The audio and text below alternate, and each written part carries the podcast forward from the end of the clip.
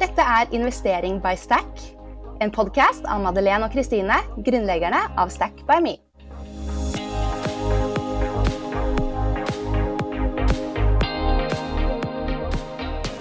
Nå er aksjespillet Fantasyfond tilbake. La oss bruke ett og et halvt minutt på dette, siden dette er et konsept vi digger.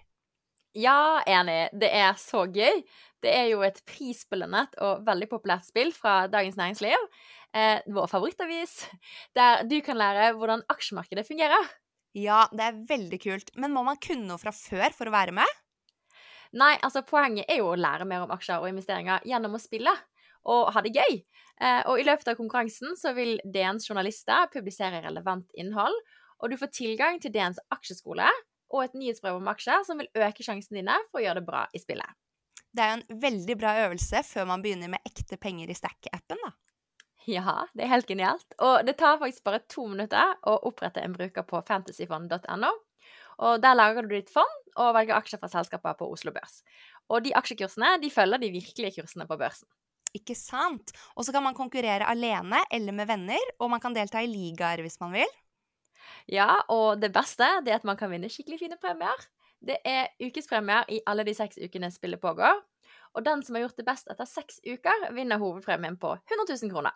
Som er 50 000 kroner investert i vår favorittinvestering, eh, fond. Og 50 000 kroner til å investere fritt. Ikke sant? Dette skal absolutt jeg være med på. Det er gratis å delta. Spillet varer i seks uker og starter 17. oktober. Bare gå inn og registrer deg nå på fantasyfond.no. Ja!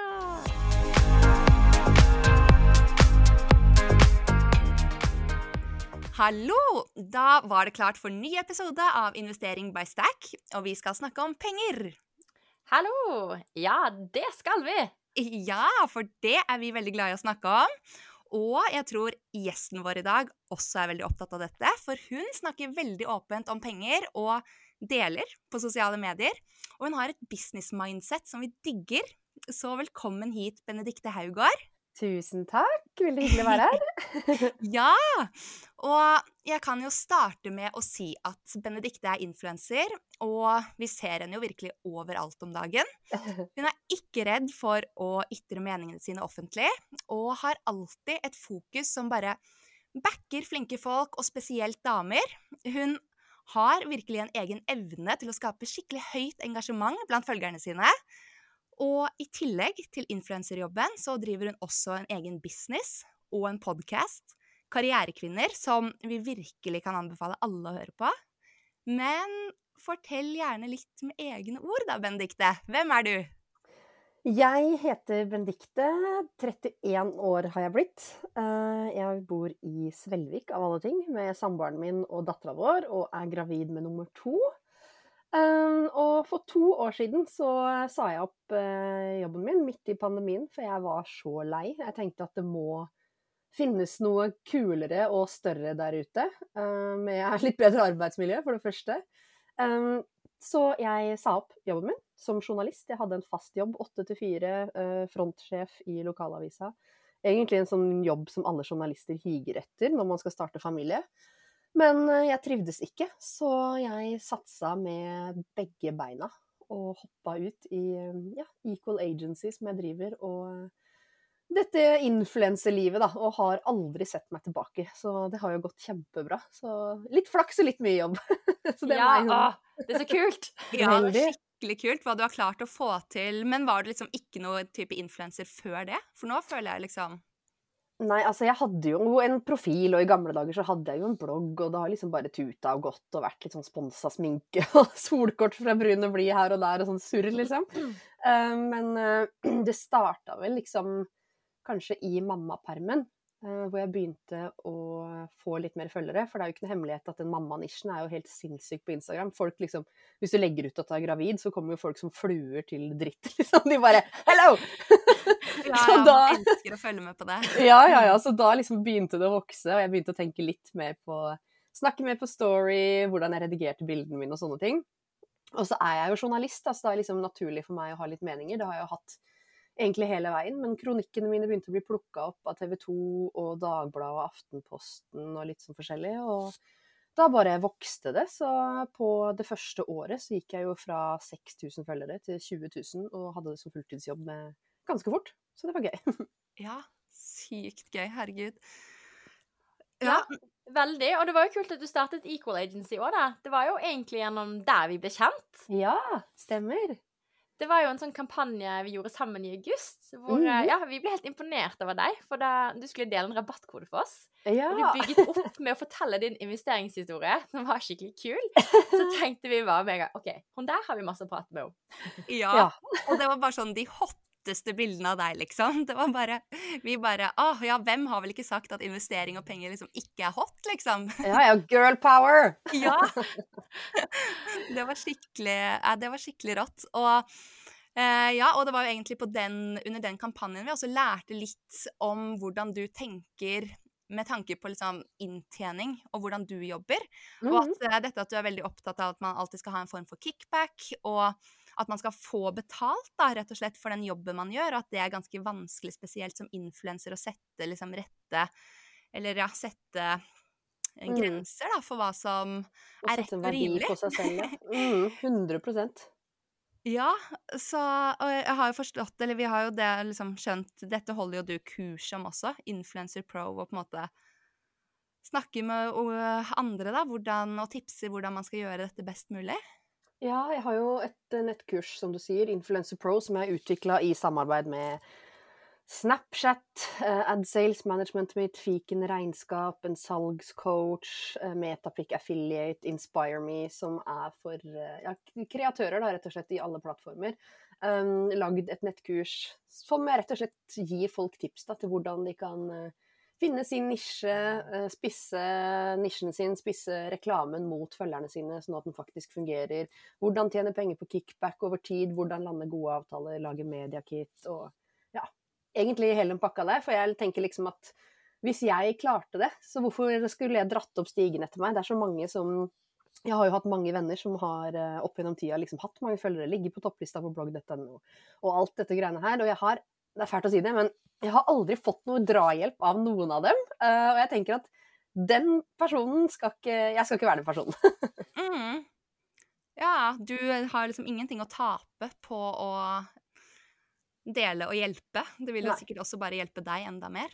Ja, det er helt sikkert. Så det har liksom blitt et sånn community nå, både ja, i Equal, da. Vi starta jo med Equal var jo mest influensebasert, faktisk, i begynnelsen. Eh, men så tok jeg liksom og hoppa inn med coaching og Influencer Pro, da, sånn at Equal Agency ble litt delt i to. At det var liksom Donna og Caroline som delte det, eller retta seg litt mot bedrift, mens jeg retta meg litt mot eh, influenser og influensermarkedsføring. Så vi delte det litt i to, da. Så Mm. Men eh, nei, det er super, superspennende, og det er jo så gøy å se bare det community vi har bygd, hvor gode venner folk er. Folk har fått seg venner for livet og reiser på sydenturer og hytteturer sammen. Og de samarbeider og starter bedrifter sammen, og det er kjempegøy, og, kjempegøy å se på. Det er girl power. Jeg har virkelig vært med å starte nå. Dette kommer til å bli så bra. Det er skikkelig kult. Og det, ja, det er liksom Vi legger jo merke til hvor eh, åpne dere er om penger og økonomi, hvor mye du tjener. Mm. Eh, det, det digger jo vi. Ja, det er ikke alle som gjør det. Det er ikke det. Og det var også ja, morsomt at du fortalte eh, Du har Jeg snakker liksom om dette om å skape seg passive inntektsdrømmer, og hvordan du For du nevnte jo nå at du var gravid, og at du Mhm. var litt dårlig i sommer, fikk jeg inntrykk av. Ja. Men jeg syns den historien var litt fin, da. Ja, det at jeg lå der og var kvalm på båten på sommeren og ja, klarte ikke å jobbe, men eh, gjennom affiliate, altså passiv inntekt og rabattkoder og ting som fløyt rundt og nettkurs og sånn, så håva jeg inn nesten 400 000 på en måned. Det er Wow. helt Altså, det er så kult. Så det var, det var, det var deilig. Da Og- vet du at det gir lønn for strevet du har gjort tidligere. Ja, og det er det som vi syns er så kult. Altså, sånn, det er jo ikke det at vi på en måte digger penger i seg selv. Men, eh, eller selvfølgelig, jeg syns jo det er digg med penger. Jeg kan, ikke, jeg kan faktisk ikke innrømme at jeg ikke gjør det. Men eh, det som er så kult, er jo bare liksom at du står frem og viser at det er faktisk en vei å gå. Eh, som selvstendig næringsdrivende er et forbilde for alle de som har lyst til å starte ting. Og det er viktig at folk starter ting ikke sant? for at det skal ja, være vekst i økonomien. og Mm. ja, at man skal få de produktene som man selv drømmer om, så må jo noen tørre å satse. Og da er det så viktig med sånne forbilder som viser at det går an. Det er det, og så kan det jo bli litt sånn blærete, men jeg er også veldig opptatt av å liksom vise Du, jeg har en gang vært liksom så fattig at jeg har tømt alle vesker og skrapa og panta for å få råd til bussen, og jeg hadde liksom Jeg har vært helt ærlig om hvilke årslønner jeg har hatt, og hvilke stillinger jeg har hatt, og hvor dårlig jeg har tjent også, så det er ikke sånn liksom Se på meg. Det er sånn OK. Jeg har hatt det skitt fram til jeg fylte 28-29, liksom. Så å være åpen om begge deler, da, sånn at det ikke bare blir sånn der Ja, hun kommer fra penger, eller hun Det er sånn Det, det, det gjør jeg jo ikke. Så det er virkelig mulig for alle. Da blir det plutselig feil hvis det, hun fikk det så lett, ikke sant? Ja, ikke sant?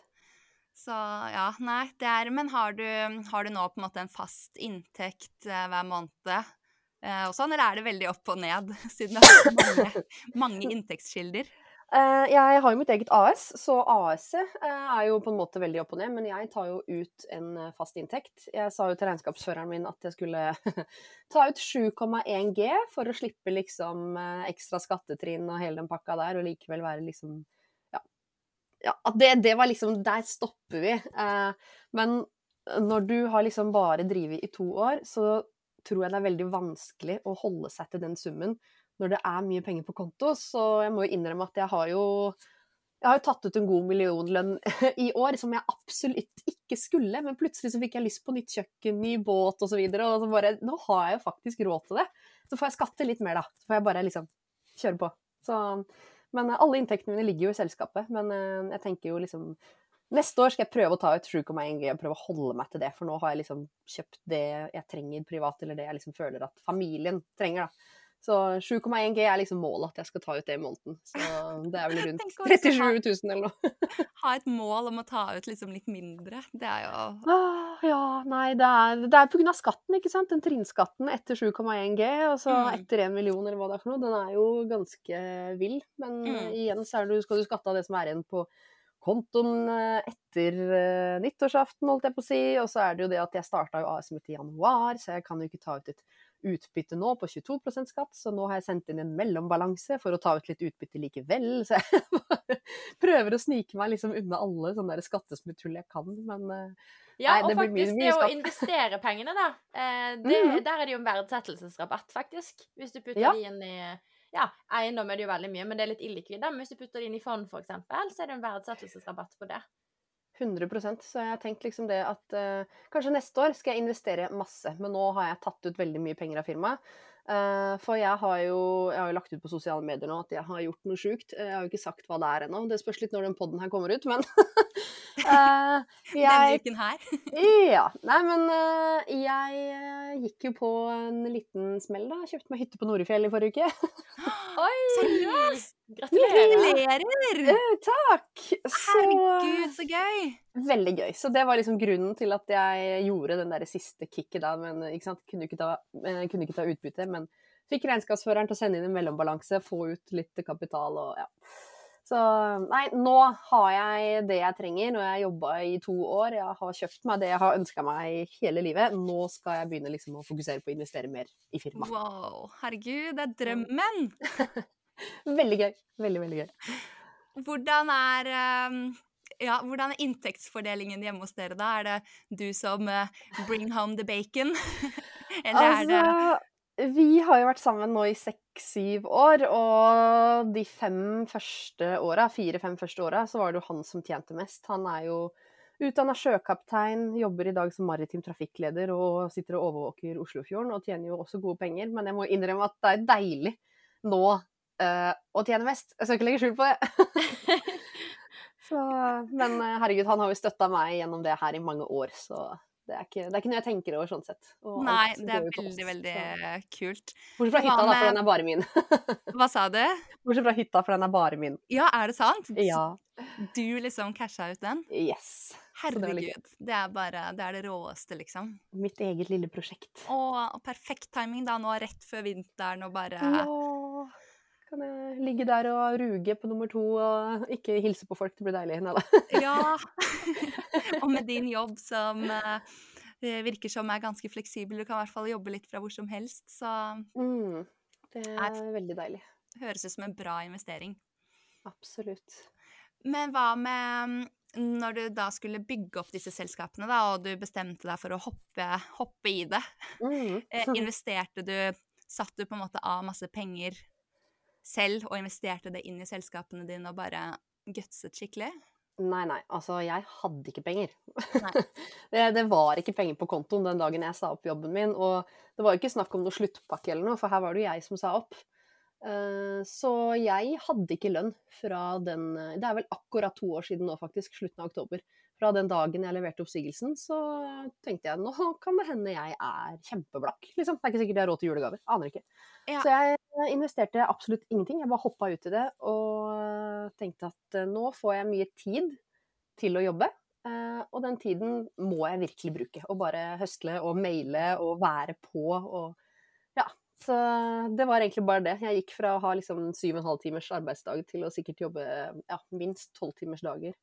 Men eh, herregud, jeg hadde jo knust månedsinntekten min som journalist allerede første måneden. Så bare det å liksom få frigjort tid, det tror jeg har så sykt mye å si. Og Å bare Mm. tørre. Ja, ikke sant. Så allerede første måneden, ja, så var du egentlig litt sånn up to speed. Ja, jeg hadde Jeg sa jo opp i oktober, som sagt. Og fra oktober til desember første året så hadde jeg tjent 400 000. Herregud. Så eh, det var eh, som sagt beinhard eh, jobbing. Det var liksom ja, alt fra å selge eventbilletter til å lage presets, til å være innholdsprodusent for andre, til å ta på meg fotooppdrag, influenseroppdrag. Altså, jeg, jeg var en potet. Jeg gjorde alt. For jeg var bare sånn Den sjefen skal ikke se meg krype tilbake. Nei. Bra motivasjon. Veldig. Nei, det er, det er jo helt rått. Men vi har også forstått det sånn da, at du startet å investere ganske tidlig. Ja. Eh, Du delte en sånn eh, story om at eh, du kjøpte litt teknologi og diverse. Ja, altså for å si det sånn, det første, det første som skjedde, altså min eh, hva skal jeg si, introduksjon til investering, var jo det at Fokus Bank i gamle dager, den ble gjort om til Danske Bank sånn rundt 2009-2010 eller noe sånt. Og da fikk jeg et brev i posten. Da var jeg, ja, det var rett før russetida. Så fikk jeg et brev i posten om at jeg hadde et fond i den banken som jeg måtte ta ut før de skulle bytte til en annen bank. Og jeg bare Fond? Hva, hva er det? Hva er dette for noe greier? Og så måtte jeg møte opp da, personlig i banken for å ta ut det fondet. Og jeg drar ned i banken. Så viser det seg da at mormor hadde jo starta et fond da jeg var liten, som hun sikkert har glemt bort selv, for det var jo liksom ikke fylt på penger der eh, de siste liksom 15 åra, kanskje. Men de hadde jo stått og vokst seg gode da, så jeg hadde jo råd til den russetida og førerkort og alt mulig, plutselig. Det var jo kjempedeilig. Herregud! Det er liksom bare som å ha bare sånn rik onkel i Amerika. Ja, ja. Så nei, nei, mormor hadde jo glemt det, og jeg bare øh, Hva gjør jeg med de pengene? Hun bare Nei, herregud, det, det er jo dine penger. Jeg har ikke visst at de har vokst. Jeg har, ikke, jeg har glemt at de har vært der, liksom. Så det var liksom første, første møte med fond, og da var jeg litt sånn Det her er ikke så dumt. Nei, dette er ganske smart. mm. Så da begynte jeg å investere litt, da. Så nå har jeg vel litt i det meste, egentlig. Mm. Ja. Ikke sant? Nei, men herregud, så kult. Eh, Veldig. og um, ja, nå har du litt i det med Du har både Altså, aksjer og ja. fond og selskaper. Aksjer og ja. fond. Jeg har jo selvfølgelig IPS, individuell pensjonssparing. Jeg har eh, barnefond, masse globale indeksfond gjennom forskjellige banker. eh, Ja, sånn samla fond med bl.a. Apple, Microsoft, eh, Amazon, Tesla, Johnson Johnson, Nestlé. Alt som er nesten garantert til å ikke liksom gå dunken samtidig. Eh, litt teknologi, finans, fornybar energi, helse. Eh, ja, egentlig veldig mange forskjellige plasser. Også investert i litt aksjer, da, som er litt sånn undergrunnstips herfra og derfra. Folk som liksom jobber der. Og du, nå investerer vi masse, kjøp deg inn nå, for nå kommer det til å eksplodere. Og jeg liksom sitter og venter på den eksplosjonen. Det har ikke skjedd, det har ikke skjedd noen ting ennå. Det bare er røde tall overalt. Men uh, spennende. Veldig spennende. Ikke sant? Ja, hvis det er en ting jeg føler vi har lært av å drive business, Kristine, så er det jo at ting tar litt tid. Så spesielt med, med aksjer, da, så anbefaler man jo å ha ganske lang horisont. Det er ikke alle som som ja. er like effektive som deg, Benedicte. Nei, jeg, ja. jeg hadde jo en liten, liten blemme en gang også. Eh, eller det kunne potensielt blitt en blemme. Eh, som, altså, noen ganger så har jeg flaks. Jeg har generelt ganske uflaks, egentlig. Men akkurat når det kommer til det her med fond, så har jeg hatt veldig flaks. Eh, for jeg eh, tok jo når, når var det her? Var det 2019 eller 2020? Husker ikke helt. Men eh, jeg tok jo da eh, og visste at jeg skulle få en baksmell. Så jeg droppa å betale inn forskuddsskatten min. Jeg hadde enk. Eh, og så satte jeg da den forskuddsskatten inn på eh, fordelt den på litt forskjellige fond.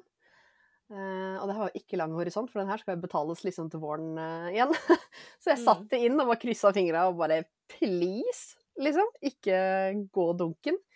Og de penga vokste og vokste og vokste, så jeg fikk jo betalt ned hele skattesmellen og vel så det, og hadde feriepenger og alt. Så jeg hadde en skikkelig sånn Det var kjempedumt å gjøre, men jeg hadde kjempeflaks. Å, herregud, det er riktig og skikkelig kult. Ja, altså det, er, det er ikke Ja. noe jeg anbefaler. Det var en gang jeg la ut det, og folk bare sånn Du kan ikke skrive det på Story! Du kommer til å gjøre folk bankrupt! Og jeg bare sånn Ja, men jeg sier jo liksom sånn type trigger warning. Don't do this at home. Ja. Men, jeg eh, tenker at hvis man har Sånn som jeg, da, har jo liksom alltid en ganske god buffer. Som på en måte, Det er Mhm. kjipt hvis den går tom, men jeg går ikke konk, da. Nei, nei, nei. Så, Det er viktig. eh, så lenge man har god styr på økonomien sin, så er det faktisk ganske mange som har god råd, da, som gjør det du sier der, Benedicte. Ikke Eh, at man investerer heller løpende. Fordi over tid så vil jo det lønne seg ganske mye. Men selvfølgelig, det lønner seg jo aldri å gå konk. Og det staten konker deg. Ja, 100% Men eh, nei da. eh, Nå er jeg flink til å ha en stor buffer, men jeg var jo ikke det da. Det her var jo liksom de første månedene som selvstendig næringsdrivende, og jeg tok et sånn supersjanse. Men Ja. jeg hadde flaks. Og det var jo ikke noe laks eller Norwegian eller noe ting som ble svekka av pandemien, heldigvis. Så jeg får, det var eh, gode investeringer. Å, Ja. skikkelig gøy. Det er jo litt gambling, men det er jo også gambling med gode odds, da. Fordi 70% av årene går jo børsen opp. ja, ikke sant. Så Mm. selv på et års sikt er det jo Ja, akkurat i år har det jo ikke vært så gøy, da. Men eh, Nei. Det har det ikke. Det har det fint ikke. år å kjøpe på. Ja, egentlig. Nå er jo fond på billig salg. Mhm. Det er jo det. Så, Og aksjer. Mange aksjer. så det er litt gøy. Selv om det liksom går nedover, så tenker jeg nå, nå snur det snart. Det er Ja, det. statistisk sett så snur det jo veldig snart. Mm. Så jeg tenker Toppen at i hvert fall for folk som ikke har begynt ennå, som ikke har liksom røde tall, mm. får en mulighet å begynne nå. Ja, det er helt gull. Så Mm. jeg prøver bare å få alle venninner og alt, uansett om det bare er å laste ned Stack-appen, eller om det er DNB Spare, eller hva enn de liksom syns er best for dem. Bare kom igjen, da! Bare en hundrelapp, bare for å liksom bli kjent med det. Kom igjen! kom igjen! Ja, Det er bra. akkurat det, å bare liksom komme i gang, da. Fordi hvis man først Mhm. har gjort det, man har onboardet, og liksom, så er det så lett etterpå, ikke sant? Ja, men det er jo kjempeskremmende. Appen deres har jo virkelig gjort det mye mer inviterende, da, i hvert fall for damer kanskje. Men det er jo skummelt bare du hører liksom aksjer og fond og børs og Oslo Børs og Jeg er bare sånn ah, Før så var det jo helt sånn ja, det, er, det driver de med borte på Wall Street, liksom. Ja. Men ja, vi ser jo at du driver og holder på, da. Var en eller annen, jeg husker ikke hvilken dag det var, her ikke lenge siden jeg var inne i appen og bare eh, 'Benedicte har kjøpt det fondet, det fondet, det fondet'. Hele feeden min var full av masse greier som du hadde kjøpt. Så jeg bare like, Ja. like, like. Ja, jeg blir litt inspirert av dere òg, da. Jeg tenker sånn, De damene her er smarte, vi hermer litt etter dem, så får vi se hvordan det går. Ja, men det er det som er også da bankers, at man bare kan ta og se på det samme fondet, ikke sant? Og Mhm. Det er veldig gøy. Det samme, da. Genial app. men, eh, men eh, ja, ikke sant. Fordi nå forteller jo du, eller det høres ut som at du liksom har fått kjøpt deg alt du ønsker deg og alt, da. Men har du noen flere drømmer, da? Om din Eller nå, da? Hva er det sånn som driver deg nå? Er det Har du en sånn ultimat pengedrøm? Mm. Ja, altså jeg hadde jo egentlig aldri noe drøm om hytte, for eksempel. Og jeg har aldri vært interessert i bil, men nå sitter jeg med en ny Mustang og en hytte, så er litt sånn drømmene bare dukker opp etter hvert. Men jeg har jo liksom to drømmer som jeg jobber for, og det er jo at begge barna mine skal få seg eh, hver sin leilighet når de eh, begynner å studere. Mm. Eh, og så selvfølgelig, eh, jeg bor jo ved sjøen, men jeg drømmer jo om et hus med strandeiendom, men da snakker vi kanskje nærmere 20 mil, så det blir ikke neste år, for å si det sånn. Nei, nei, men eh, Det er bare sånn felles drøm da, som man kan ha med samboeren sin. Det er jo litt viktig at man jobber for et sånt felles mål. Så, Ja. Og et langsiktig mål, liksom. Mm, sånn, om, det, om det er liksom om 10 år eller 20 år, det er samme. Men bare sånn åh, en dag så skal jeg liksom ha båten i hagen. Ikke sant? Det er det jeg ser for meg. Og så kan jeg melde fra Jeg kommer fra en fa- svigerfamilie nå, da, som har fotsyken. Åh, Eh, hvis du vet hva det er. den derre hund, fot og munnsykdom. Hund, faktisk. Nei, det handler om at du kjøper en båt, og hver, hver sommer så har du lyst på en, en større, ja, Ja! en større båt. Ja, den røyker vi på òg. Ja, det stopper ikke. Nei, nei. nei. Vi starta jo på 27 fot, og nå har vi 42. Så Ja, det, det, bare, det er helt krise. Ah, det var gøy i sommer når dieselprisene var så fine. Ja, ikke sant. Ja, neste blir sikkert en, en elektrisk yacht når Haugård jeg ser på børs. Ja, ikke sant. Vi får se på det. Det er sikkert noe med det, da. At hvis man, hvis man har litt sånn definerte, eh, langsiktige mål, og så prøve å ikke sant, Som du sier, Madeleine, at man bare vil jo alltid bare ha mer når man da når de drømmene. Mm. Men det er jo litt feil, for da blir man jo aldri fornøyd. Ja, det er jeg helt enig i. Den der jage- og høstekulturen, spesielt som vi kanskje hadde innad i Equal Agency i fjor, den er jo faktisk ikke sunn. Veldig gøy når du får det til, men jeg sa til meg selv, jeg hadde et nyttårsforsett, jeg hadde en pod med partneren min eh, Donna i Karrierekvinner i begynnelsen av året. Da snakka vi litt om hva liksom våre mål og drømmer og sånn var for um, 2022, da. Og hun var kanskje litt mer sånn jeg skal tjene så mye penger. Jeg var sånn jeg skal ha så mye tid med familien, jeg skal slappe av.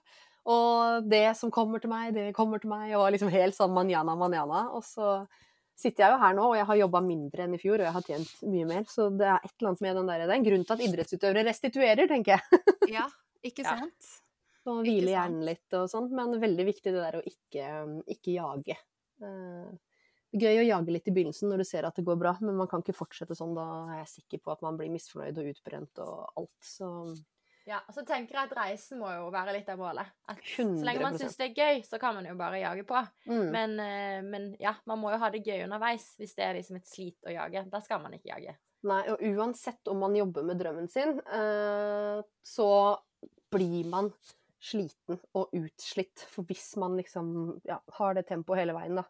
Mm. I fjor høst jeg hadde jo tre lanseringer på to måneder, og folk var liksom sånn 'Å, herregud, du får det til en dag', altså. De visste jo ikke at jeg satt hjemme og gråt for jeg var så sliten. Jeg hadde det jo skikkelig kjipt, liksom.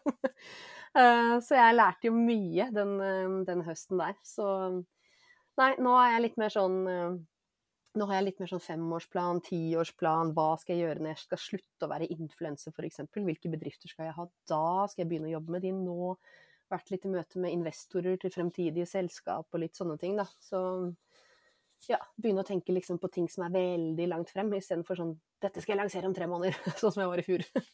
Mm. Wow. Ja, lage skikkelige strategier og Nei, det er Mm. business mindset, altså. Prøve å være ja, litt, eh, litt smartere, rett og slett. Og ta litt mer vare på kroppen. Mm. Nei, det er viktig. Og ja, vi pleier liksom også å spørre om da hva er din beste og hva er din dårligste investering? Um, nei, Det altså, høres ut som du har hatt ganske mange gode. Ja, og det er jo ikke alle av de som nødvendigvis liksom var obvious at det var en god investering. Eh, som sagt, hatt litt flaks. Eh, men jeg har aldri kjøpt noe for takst. Det syns jeg er litt gøy. Jeg har aldri vært med i en budrunde. Eh, sånn sett så har jeg tjent mye penger, sånn for eksempel når man kjøper en hytte. Istedenfor å liksom Å, den hytta her har jeg så lyst på, så jeg går 300 000 over takst. Da er jeg mer sånn jeg vet hva, den hytta her, nå skal jeg liksom finne ut hvorfor selger han den, hvor desperat er han. Så går jeg liksom inn i salgsprospektet, jobber megleren på eh, provisjon, eller jobber han på fastlønn? Nei, fint, han jobber på fastlønn, da driter jo han i hvor mye den hytta blir solgt for. Da kan jeg spørre megleren hvor mye kan jeg presse, så jeg fikk jo den her på 300 000 under takst. Um, så liksom mange sånne smarte investeringer. Da. Eneboligen min den kuppa jeg dagen før visning, gikk rett til selger og droppa megleren. Så jeg har liksom gjort mange sånne ting. Da. Litt sånn sleipt kanskje for de som sitter og hører på. Bare dårlig gjort å kuppe ting før visning, men uh, you do you. Ja, jeg tenker det kommer jo helt an på. Altså, jeg var jo på en, eh, en, eh, en leilighet, en utleieleilighet i Oslo da, som jeg hadde tenkt å kjøpe. Mm. Eh, og den ble kuppet før visning. Ja. Og det var sånn, det hadde jo vært tidenes budrunde dagen etterpå, så jeg kan ikke skjønne at de, at de lot den gå. Nei, Men sant? der var jo han smart, tror jeg. For jeg er helt Ja, ja. ærlig. Nei da, det, det, det, det er mye. Det er mye taktikk og greier, strategi bak det der. Men eh, det er liksom sånn fin investering. sånn Aldri kjøp noe for takst. Bare liksom å tenke, bare tenke det. Sånn ha is i magen hvis du tror du har funnet drømmehytta. Jeg lover deg, det dukker opp noe seinere. Sånn som nå, hvor folk liksom Sånn som nå, da. Det var jo spådd renteøkning og øke strømregninger og hele pakka. Og jeg sitter liksom og vet at nå er det mange som må selge hyttene sine. Jeg venter til folk er desperate. Det er skikkelig kynisk og egentlig ganske grusomt. Men veldig smart for min økonomi. Ja, og man skal tenke på at eh, de som må selge hyttene sine, trenger jo kjøpere. Yes. Så ja, jeg syns ikke du skal synes at du er så kynisk. Jeg tenker at det, det er business mindset, det. Det er det. Og så tenker jeg liksom, tenk til alle de som må selge hyttene sine nå, som fortsatt har lyst til å leie hytte. Så jeg ser jo et stort utleiemarked nå. Så veldig, veldig gøy. Men mm -hmm. nei, eh, det er vel egentlig liksom kanskje det smarteste Ja, jeg har digg å gjort. og føle at man får en god deal, liksom. Ja, bare sånn veldig god deal, og som sagt gjort mange smarte sånne andre investeringer som kunne vært potensielt skikkelig dårlige. Eh, men eh, den dårligste eh, Nei, hvis man ikke tenker bort ifra Nei, hva, hva kan være den dårligste? Jeg har vel egentlig aldri liksom tapt, tapt noe. Jeg gjorde jo en kleskolleksjon en gang da, hvor jeg ikke tapte noe, men jeg vant ikke noe heller. Det var veldig mye jobb for ingenting. Investerte egne penger i å lage en kleskolleksjon, jeg og Donna. Eh, Ja. Men så blei det så utrolig mye surr med fabrikken og logistikklageret og alt mulig sånt. Ingen klarte å gjøre jobben sin selv om de fikk betalt for det, og det blei utrolig mye jobb, og eh, nei, den Ja, var det eh, den episoden jeg hørte, hvor buksene kom i to forskjellige farger? og? Yes, stemmer. Hvor liksom første stokk gikk skitbra, ble utsolgt på seks minutter, helt gull. Og så var vi så dumme at vi bestilte um, uh, refill. Og da hadde jo denne fabrikken da sendt um, refill i feil farge, sånn at de som kanskje bare hadde rukket å kjøpe en genser eller en bukse, da, de fikk jo da en genser eller bukse i en annen farge. Og, jeg bare sånn, og de skyldte på covid. Jeg bare Men du blir ikke fargeblind av covid! Så det var jo ja, skikkelig kaos. Og når du da har um, ansatt et logistikklager da, som skal være ansvarlig for å sende ut riktige varer, så stoler du jo på at de ser at du, nå sender du ut en joggedress i to deler, og her er det to forskjellige farger. Kanskje du skulle sagt ifra til oss før du hadde sendt ut, liksom? Nei, det tenkte jo ikke de på, så jeg måtte jo sitte flere dager og ringe hver eneste kunde, og det kom det veldig mye godt ut av. Folk ble jo så glad når jeg ringte. Så jeg var eh, ja, heldig med følgerne mine der. Men eh, det var en sånn eh, kolleksjon som var veldig mye jobb, veldig mye erfaring. Uh, tjente absolutt ingenting. Jeg lurer på om jeg faktisk gikk bitte litt i minus. Men folk var veldig fornøyd med joggedressene når de først kom fram, da. Ja, og som du sier, så ble det i hvert fall en veldig bra erfaring. Så Mm. i det minste så ja, var det ikke helt krise. Nei, jeg fikk øvd meg litt på kundeservice, for å si det sånn. Ikke sant? Ja, ja. Nei, men uh, hva, hva er det neste du vil investere i nå, da? Eller eh, ja, planene videre? Mm, Nei, altså planene er jo Nå skal jeg putte en del penger inn i uh, en ny bedrift som lanseres i 2023. Uh, som kanskje kjæresten min, tenker jeg, skal være litt mer ansvarlig for. For han blir jo mest sannsynlig tvunga til å gå ganske mye eh, i ulønna perm, siden vi er så smarte og føder den tidspunktet vi gjør. For da må vi vente ett og et halvt år på barnehageplass. Mm. Ja, det er Eh, så sykt, det der. Men det er en diskusjon for en annen dag. Det kan vi lage en egen podd om. Det er så slitsomt, men eh, herregud, selvfølgelig hyggelig å ha barna hjemme, men da må jeg liksom, da må firmaet mitt gå sånn garantert skikkelig bra, sånn at både jeg og han kan ta lønn i den perioden. Um, så da starter vi rett og slett et, eh, en nettbutikk sammen.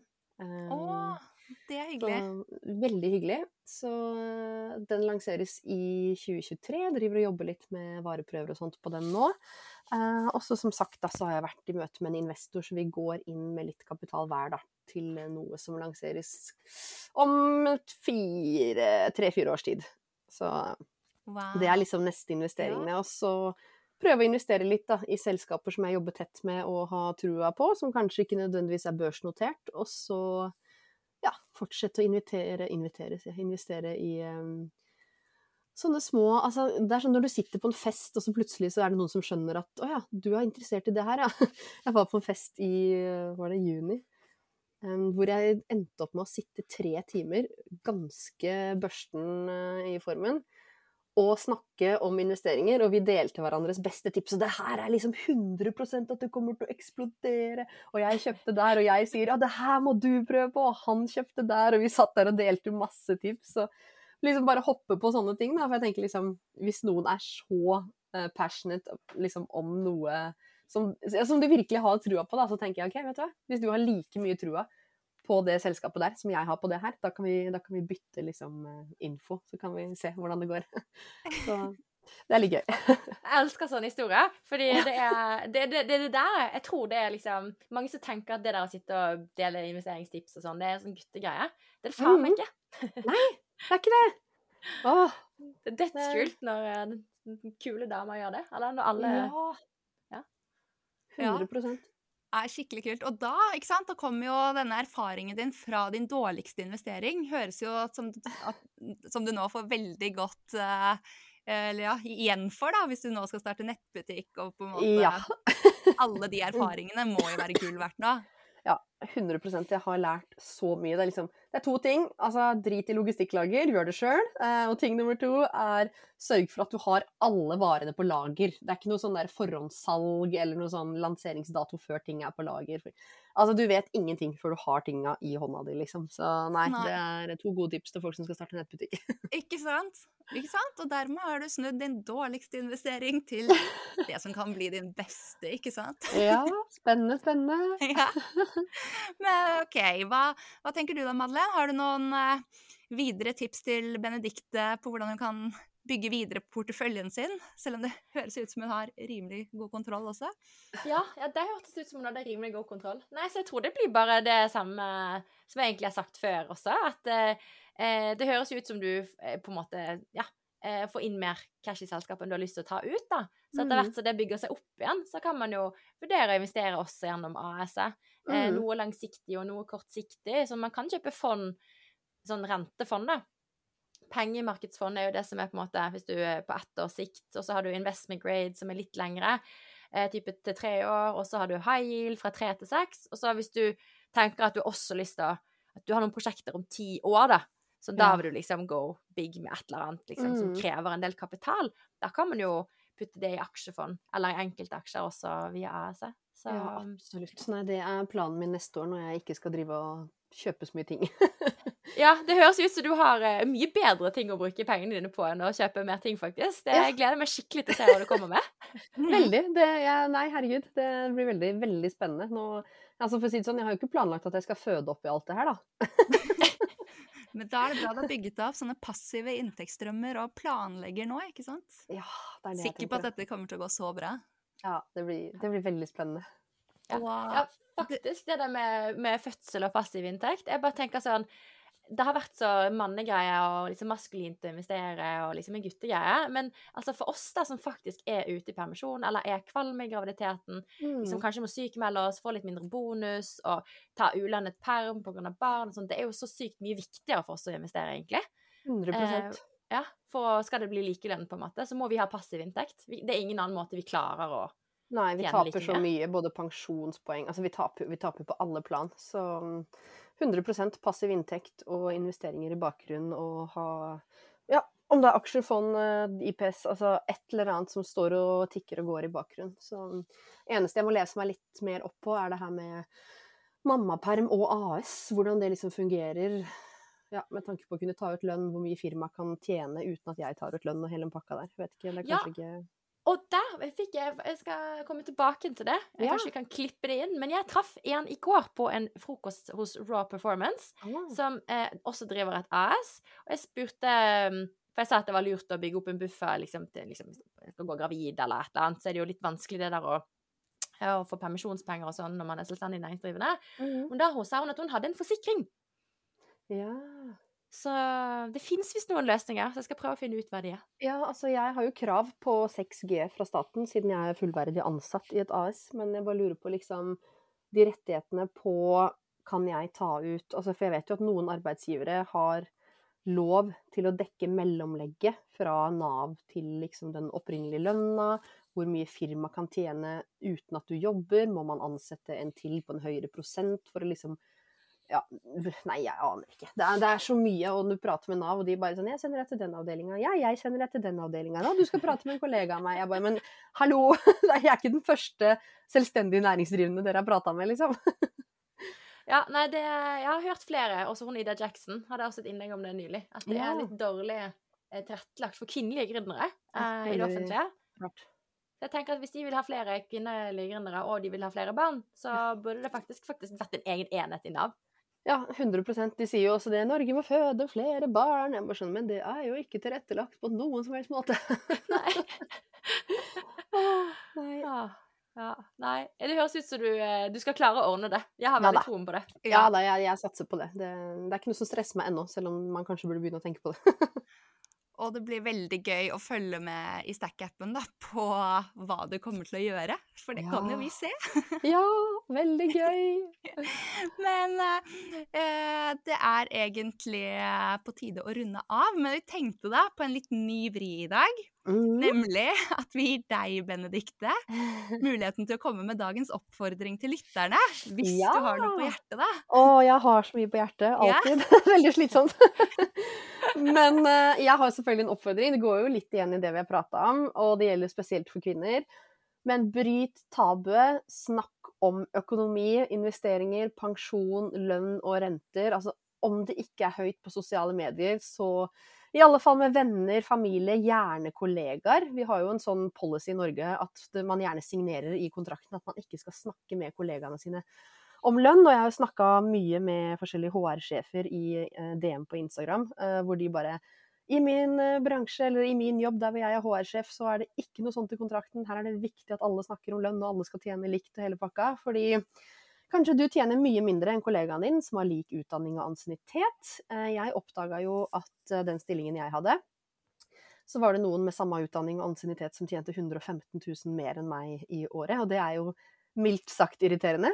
Um, Så det å snakke høyt om det, kanskje venninna di har noen S i ermet når du kommer til å forhandle lønn, kanskje noen i gjengen kan hjelpe deg med din første investering i fond, eller hvordan du kommer i gang med IPS eller BSU. Kanskje noen har forhandla seg fram til en dødsbra rente i en annen bank, eller en strømavtale, eller hva enn det skulle vært. Eh, Så, men det vet du ikke før det blir et tema, så bare det å snakke om økonomi og ikke være ikke være så redd for det, fordi vi er alle sammen eh, på en stige, og noen ganger så kommer jeg til å tjene mindre enn deg, og andre dager så tjener kanskje jeg mer enn deg, og vi er alle sammen på den samme stigen, og vi må bare hjelpe hverandre opp, rett og slett, ved å kommunisere. Så snakk om penger! Ah, Here, here. ja, spot on! Yes! Du kan komme med oppfordring hver gang fra nå av. Nei da. Ja, helt enig. Er Herlig, rett og slett. Tusen takk for at du ville komme i dag, Benedicte. Det var en forfriskende samtale. Ja, det var veldig hyggelig. Tusen takk for all delingen. Ja, nei, det er viktig. Ja, vi, vi snakkes og høres, og Så ha det bra. Jo, ha det bra, ha en nydelig uke! Ja, Følg ha med på prosjektene dine. Ha det. Ha det!